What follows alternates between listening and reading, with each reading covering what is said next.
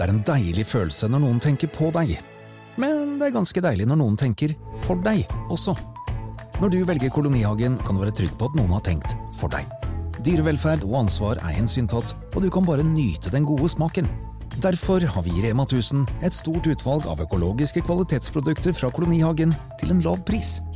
Rema 1000. Det er sluttsummen på valgene vi tar, som teller. Hei og velkommen til Femihelse, en podkast om kvinnehelse fra A til Å. Jeg heter Helene og er 33 år. Og jeg heter Sigrun, og jeg er 25 år. Og vi har startet denne podkasten fordi vi mener at det bør snakkes mye mer om kvinnehelse. Så la oss snakke. Hei alle sammen, og velkommen til denne episoden av Femihelse. Vi kan vel kanskje mm, kjenne oss igjen i mange at når man går til legen og får ett svar, og så går man til en annen lege litt senere, så kan man få et helt annet svar. Og sånn er det også med Femihelse. Vi inviterer jo inn eh, eksperter og personer som kan ha forskjellig ulikt syn på de samme eh, temaene eller lidelsene, eller hva vi skal si. Og derfor så har vi lyst til å kjøre en til episode på vestibulitt, men kanskje mer i utgangspunkt denne gangen i vaginisme. Mm. Ja. Og så er det også noe med at uh, vestibulitt er jo et uh, tema som ikke er snakket så veldig mye om. Altså mm. Altså sånn, Det er ikke så mye informasjon om det, og det er kanskje ikke noe som eh, I hvert fall jeg har ikke, har ikke, fått med meg så veldig mye om det tidligere. Og det betyr også at vi har lyst til å gi det litt ekstra oppmerksomhet. Ja. Eh, for som i hvert fall de som har hørt på forrige episode, så er det jo sjukt mange som sliter med dette her. Mm. Eh, og vi syns at det fortjener rett og slett å bli snakket litt mer om. Mm. Så det var rett og slett det. Vi vil gå litt dypere ned i temaet. Mm. Vi fikk en skikkelig fin og god, grundig innføring sist gang, men det fins mer vi kan si. Og eh, til å hjelpe oss med å grave litt dypere i vaginisme og vestibulitt, så er vi så heldige å ha fått besøk av Helena Enger, som er eh, gynekolog på Volvat. Hei, Helena. Hei. Hei. Velkommen. Tusen takk. Du er jo da, eh, som nevnt, gynekolog. Hva var det som gjorde at eh, du hadde lyst til å bli gynekolog? Ja, gynekolog var egentlig eh, det jeg ikke hadde tenkt å bli i det hele tatt. Fordi jeg tenkte at det var trist å bare ha kvinner som pasienter. Ja. Men det er det ikke. Det, ting blir av og til litt annerledes enn man tenker. Og gynekologi er så spennende og interessant og morsomt. Og det er skjønne pasienter. Og gleder meg hver dag når jeg går på jobb. Mm, det er den beste følelsen. Og jeg tror vi alle kan være enige om at å ha en, en gynekolog som eh, gleder seg til å gå på jobb, og som er god på det hun eller han driver med, er så utrolig viktig, da. Eh, fortsatt for noen av mine venninner opp i 30-årene så kan det være litt skummelt å gå til gynekologen når man diskuterer liksom ja, hva skal man ha på seg, og mm. hvordan er det, og hvordan gikk det, og hvordan føltes den undersøkelsen. Så det å ha Ja, jeg blir så glad når jeg hører, hører deg si mm. det, at det er en jobb du liksom elsker.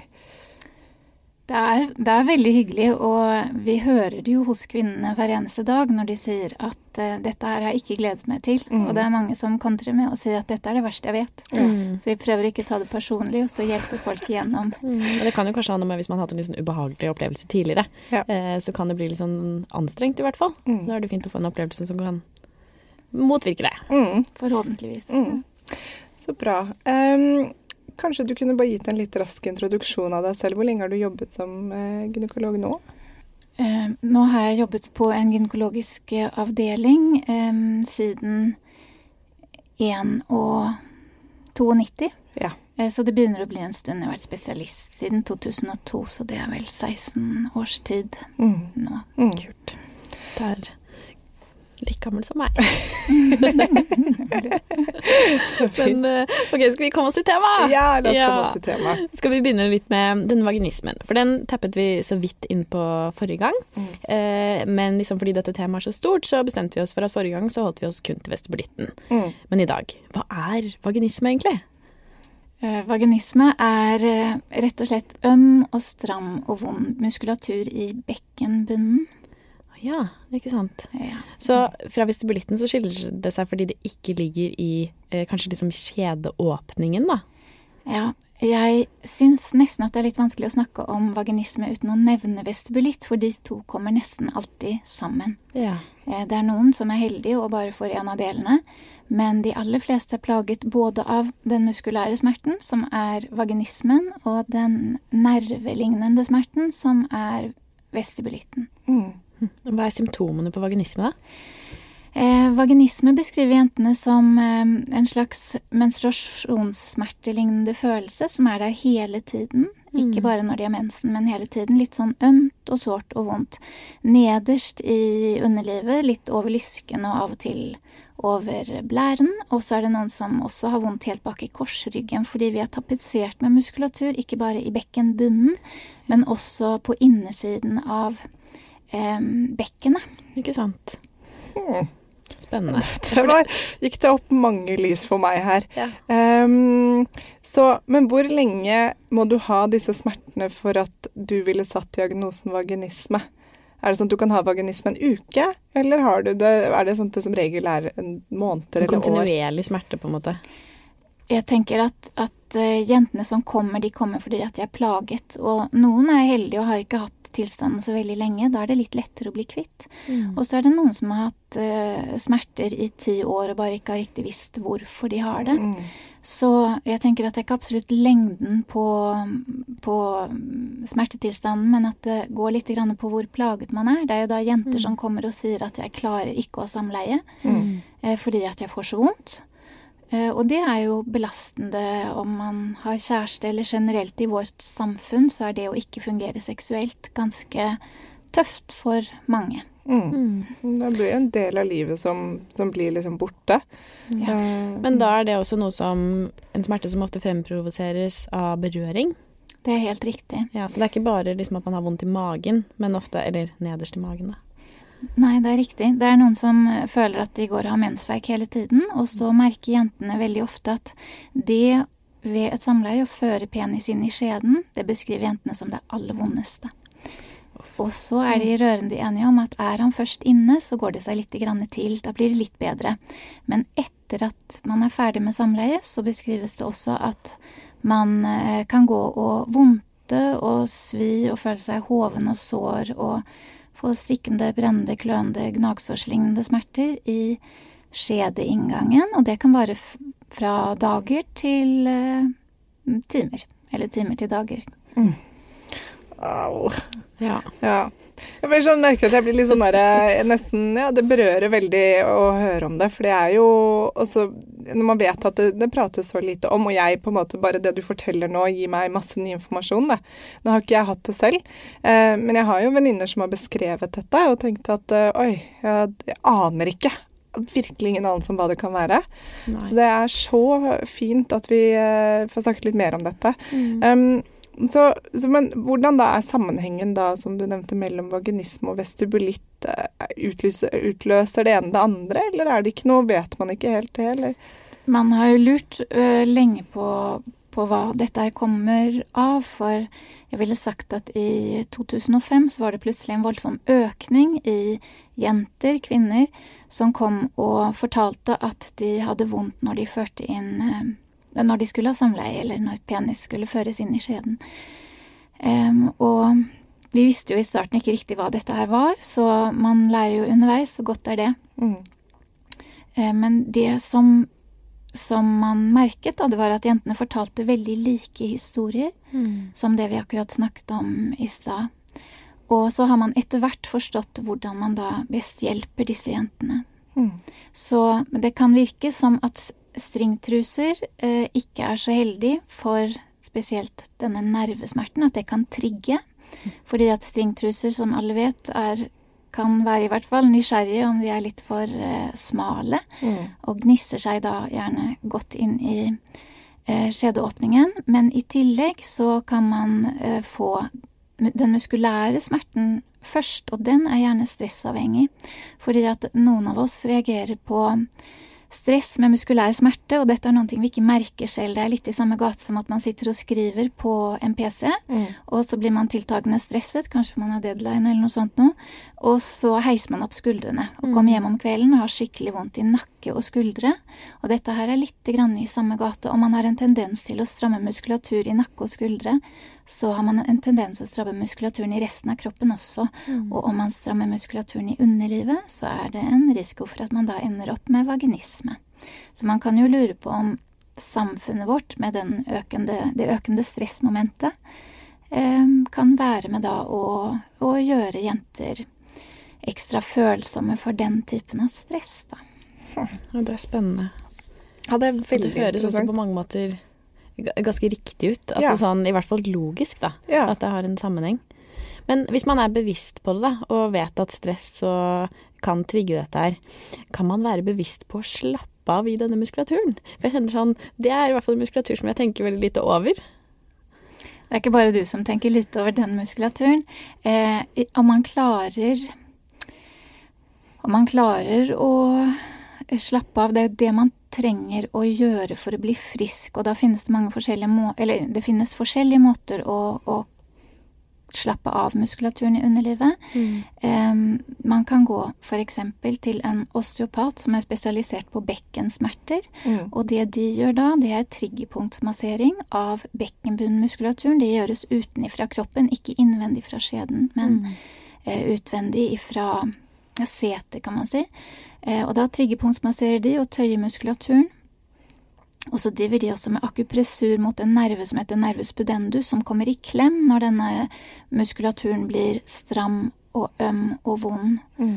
Um, så, så, det vil jeg ha sagt er en veldig rask og effektiv måte å bli kvitt smertene på. Mm. Uh, og det kalles for manuell terapi, og det kan man også um, gjøre hos fysioterapi, som er spesialisert på underlivssmerter. Mm. Og da går det gjerne om at man lærer, som du sa, å knipe med muskulaturen for at man skal lære hjernen å slappe av i muskulaturen. Mm. Så da blir det knipeøvelser med avslappingsøvelser i tillegg. Så begge disse måtene eh, gjør at man blir bedre i sine smerter. Og det er viktig å vite, tenker jeg også, for jentene som har vestibulitt og vaginisme, at de aller, aller fleste blir helt bra. Mm. Det kan ta litt tid. Mm. mm. Men hvordan får man diagnosen i utgangspunktet, da?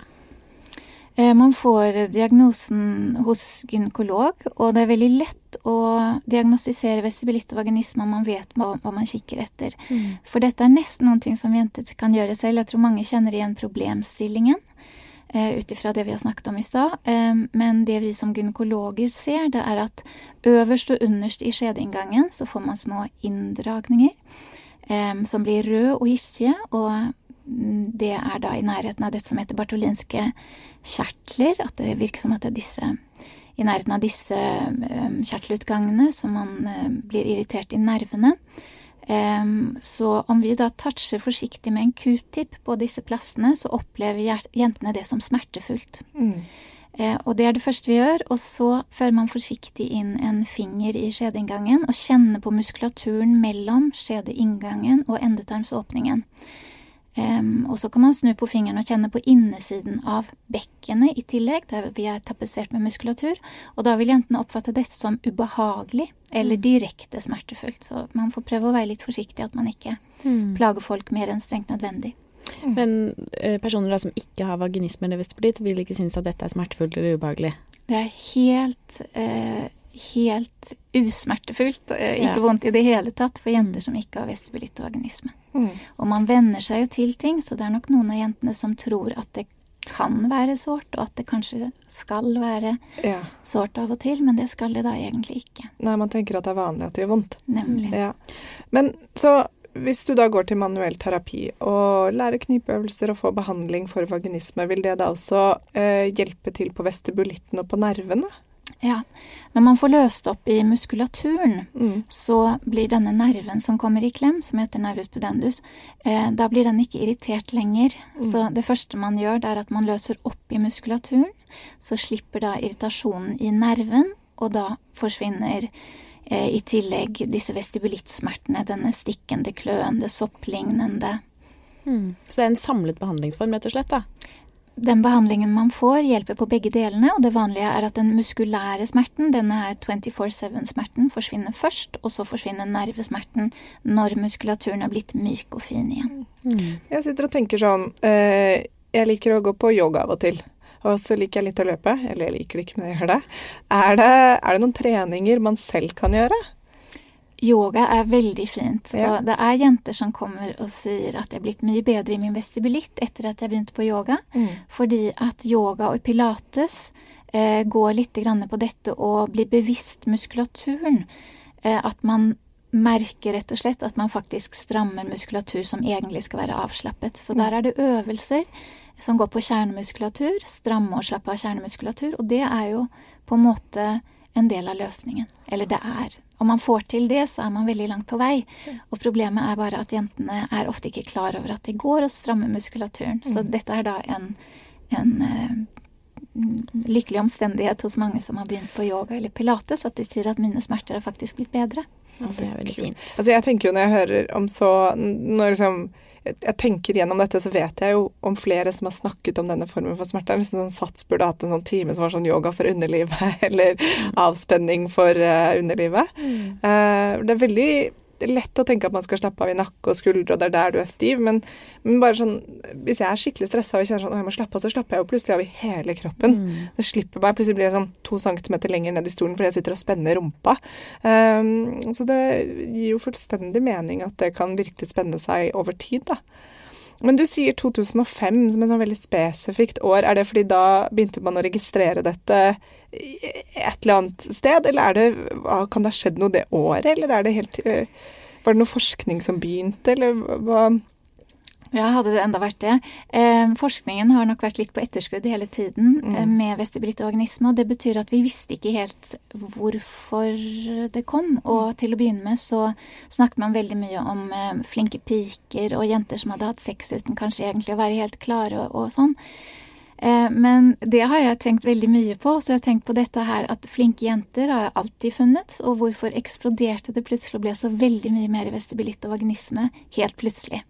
Så min teori er at eh, stringtrusene kom ca. 2005.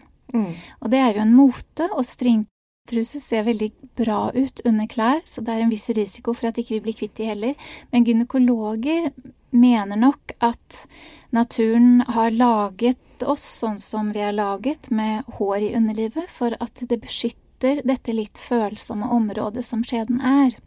Og når man tar på seg eh, stringtruser, så barberer man seg, og da tar man på en måte bort litt av beskyttelsen. Stringtrusene kan gnisse og være nysgjerrige, og det kan da være med å trigge denne nervesmerten som sitter rett ved skjedeinngangen. Mm. Så, ja, det makes sense, da. Ja, Alt kom sammen med voksing, Brazilian wax, og så var det på med stringtrusene. Bare sånn, Ikke bare ta bort beskyttelse, men også kjøre en sånn liten tråd opp som du skal gå og gnisse på hele dagen. Sikkert med liksom bakterier mm. og press. Altså, jeg får mm. stringtruseangst av å høre på dette her. Nå skal jeg, det er den parolen jeg skal begynne å gå med, er sånn Nei til stringtruser! Ja, på med hipsteren. Ja. ja. Men um, Uh, ja. Og en annen ting som vi har snakket litt om, uh, er dette med å sitte med bena i kors. Mm. Har det også noen påvirkning? Trange bukser kan nok være med å irritere litt, fordi at vi snakket om at vi har tatt bort beskyttelsen, og da har sånne skarpe kanter kommet veldig nært oss mm. i underlivet. Eh, sitte med bena i kors, det går jo litt på dette her med muskulatur som er anspent og stram, mm. og som egentlig kanskje hadde trengt å, å tøyes. Om vi setter oss med bena i kors, så tøyer vi ikke akkurat muskulaturen. Men ellers må man få lov å sitte som man vil. Men om jeg får lov bare å si også at jeg tenker at mye av det vi har lært av vestibulitt og vaginisme, det har vi jo lært av jentene, for de har jo fortalt mm. at dette med stringtruser, når jeg spør bruker du det, så sier de at jeg brukte det før. Men jeg bruker det ikke lenger, for det er altfor vondt. Ja. Og da falt på en måte tiåringen ned, at man tenkte at om det er blitt mm. for vondt å bruke stringtruser, når man har vestibulitt og vaginisme, så kan man jo lure på da om stringtrusen er med å irritere. Mm. mm. Ja, jeg skjønner at det ikke er noe fasit at det er en, liksom en, en, er lik tegn mellom stringtruse og vestibulitt, men det er allikevel liksom noe man kanskje Kan tenke litt på, i hvert fall. Ja. I hvert fall ja. bytte på litt. Bytte på litt, ja. ja. Sånn naturlig syklus i bytte på hvor mye man barberer seg og sånn også, tenker jeg jo de aller fleste har. Litt sommer og litt sol og ja, hva man orker. Men eh, det er også kanskje noe i liksom mm gi underlivet en pause. Mm, og så kan man jo også kanskje si at det er, eh, i hvert fall sånn som jeg har sett nå, en trend som går litt på det motsatte. At det er jo nå blitt naturlig med mer hår, mm. eh, og kommet masse fine truser som ikke er stringtruser. Altså sånn eh, Jeg syns jo det har vært veldig motsatt nå, at det har nesten vært litt sånn stringtruser nesten er litt sånn eh, ikke harry, ja. men litt, litt harry, på en måte. Ja, ja. Og at nå er det mer liksom med det liksom naturlige og eh, fine Ja. Mm. Så det, det kan jo være en positiv tendens, da, i hvert fall når vi snakker om dette her. At uh, trenden endrer seg. Men uh, å være litt bevisst på det, det gagner oss alle uansett. Ja, og så er det som du sier at under en del plagg og klær så er det veldig fint at man ikke har en kjempetruse. Ja. Men uh, Kan man gå uten? Kan gå uten. Det er også kult. Men så fint. Dette var en, en veldig Så det fins håp, i hvert fall. Og det fins behandling. Det er veldig interessant, da, syns jeg, at en behandling på noe som er så vondt, eller som er så eh, Som kan virke så håpløst, er rett og slett eh, manuell terapi og stresse ned og bare ta litt vare på kroppen sin, da. Mm. Og så har jeg bare lyst til å skyte inn, da har vi jo ikke snakket om type feildiagnostiseringer. Eh, men jeg tenker sånn, Hvis man er en jente eller kvinne som kjenner seg igjen i det vi har snakket om nå, så kan det i hvert fall være en idé å gå til legen sin og si sånn Hei, vi skal ikke sjekke om jeg har dette. Det høres veldig fornuftig ut, og spesielt vil jeg da ta opp alle jentene som kommer og sier at jeg har sopp som ikke går bort. Jeg har sopp som kommer hele tiden, eller urinveisinfeksjoner som ikke går bort. Så jeg har fått mye medisin for uh, sopp og urinveisinfeksjon. Da tenker jeg at vi har god soppmedisin, og vi har god urinveisinfeksjonsmedisin. Og om man da føler at man har noe som ikke blir bedre av behandling, så er det gjerne noe annet. Mm. Jeg tror jeg ville sagt at uh, det kan være lurt om man har vestibulitt og vaginisme, å gå til en gynekolog, og da helst en gynekolog som vet om vestibulitt og vaginisme, for det er en eh, diagnose som er lett å overse. Mm. Men der føler jeg at jentene, unge jenter eller jenter generelt, er flinke å finne informasjon på nettet. Mm. Så lytt på mm. hverandre og hør. Og det finnes bloggere som snakker om vestibulitt og vagnisme, og det finnes ja, jeg føler jentene Podkaster. Nemlig. Og mange, mange, modige jenter som går ut og forteller sin historie, og ære dem for det. For jeg tenker at det er noen ting som har hjulpet mange som har forstått at det jeg har, skal, kanskje, skal man ikke ha, og at det er hjelp å få. Mm. Um, dette her er ikke sikkert at uh, du kan svare på, så, men jeg vil allikevel spørre, for dette med urinveisinfeksjon uh, Jeg har hatt det masse. Jeg har liksom vokst opp med å ha urinveisinfeksjon, nesten. Jeg har heldigvis vokst det litt av meg, tror jeg. Men kan det være sånn at for da er det jo at man måler liksom en, eh, blod i urinen eller eh, Ja. Kan man få på en måte påvist urinveisinfeksjon uten å ha det, og så er det egentlig vestibulitt, eller er det ikke sånn Eller henger det sammen?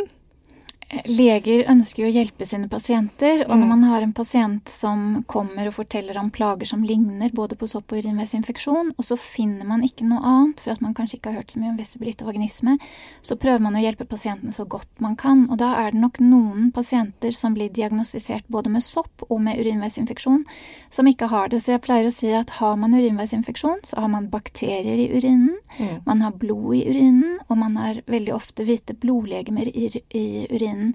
Og dette er veldig objektive funn, så om man tar med seg en morgenurinprøve til doktoren sin og spør er det bakterier, hvite blodlegemer eller blod i denne urinen, og det ikke er det, så tenker jeg at da bør man tenke i andre retninger, og at man da, øh, jentene selv, ut ifra den informasjonen som nå er ute der. Mm. At man kan tenke kanskje dette her ikke er urinveisinfeksjon, men mm. noe annet. Man må jo være liksom proffe på å uh, være syk eller ha problemer på mange måter, da. Ja, sånn skal det jo ikke være. Så man, man, kan jo bare tenke at alle mennesker trenger å ses og bli lyttet til, ikke mm. sant.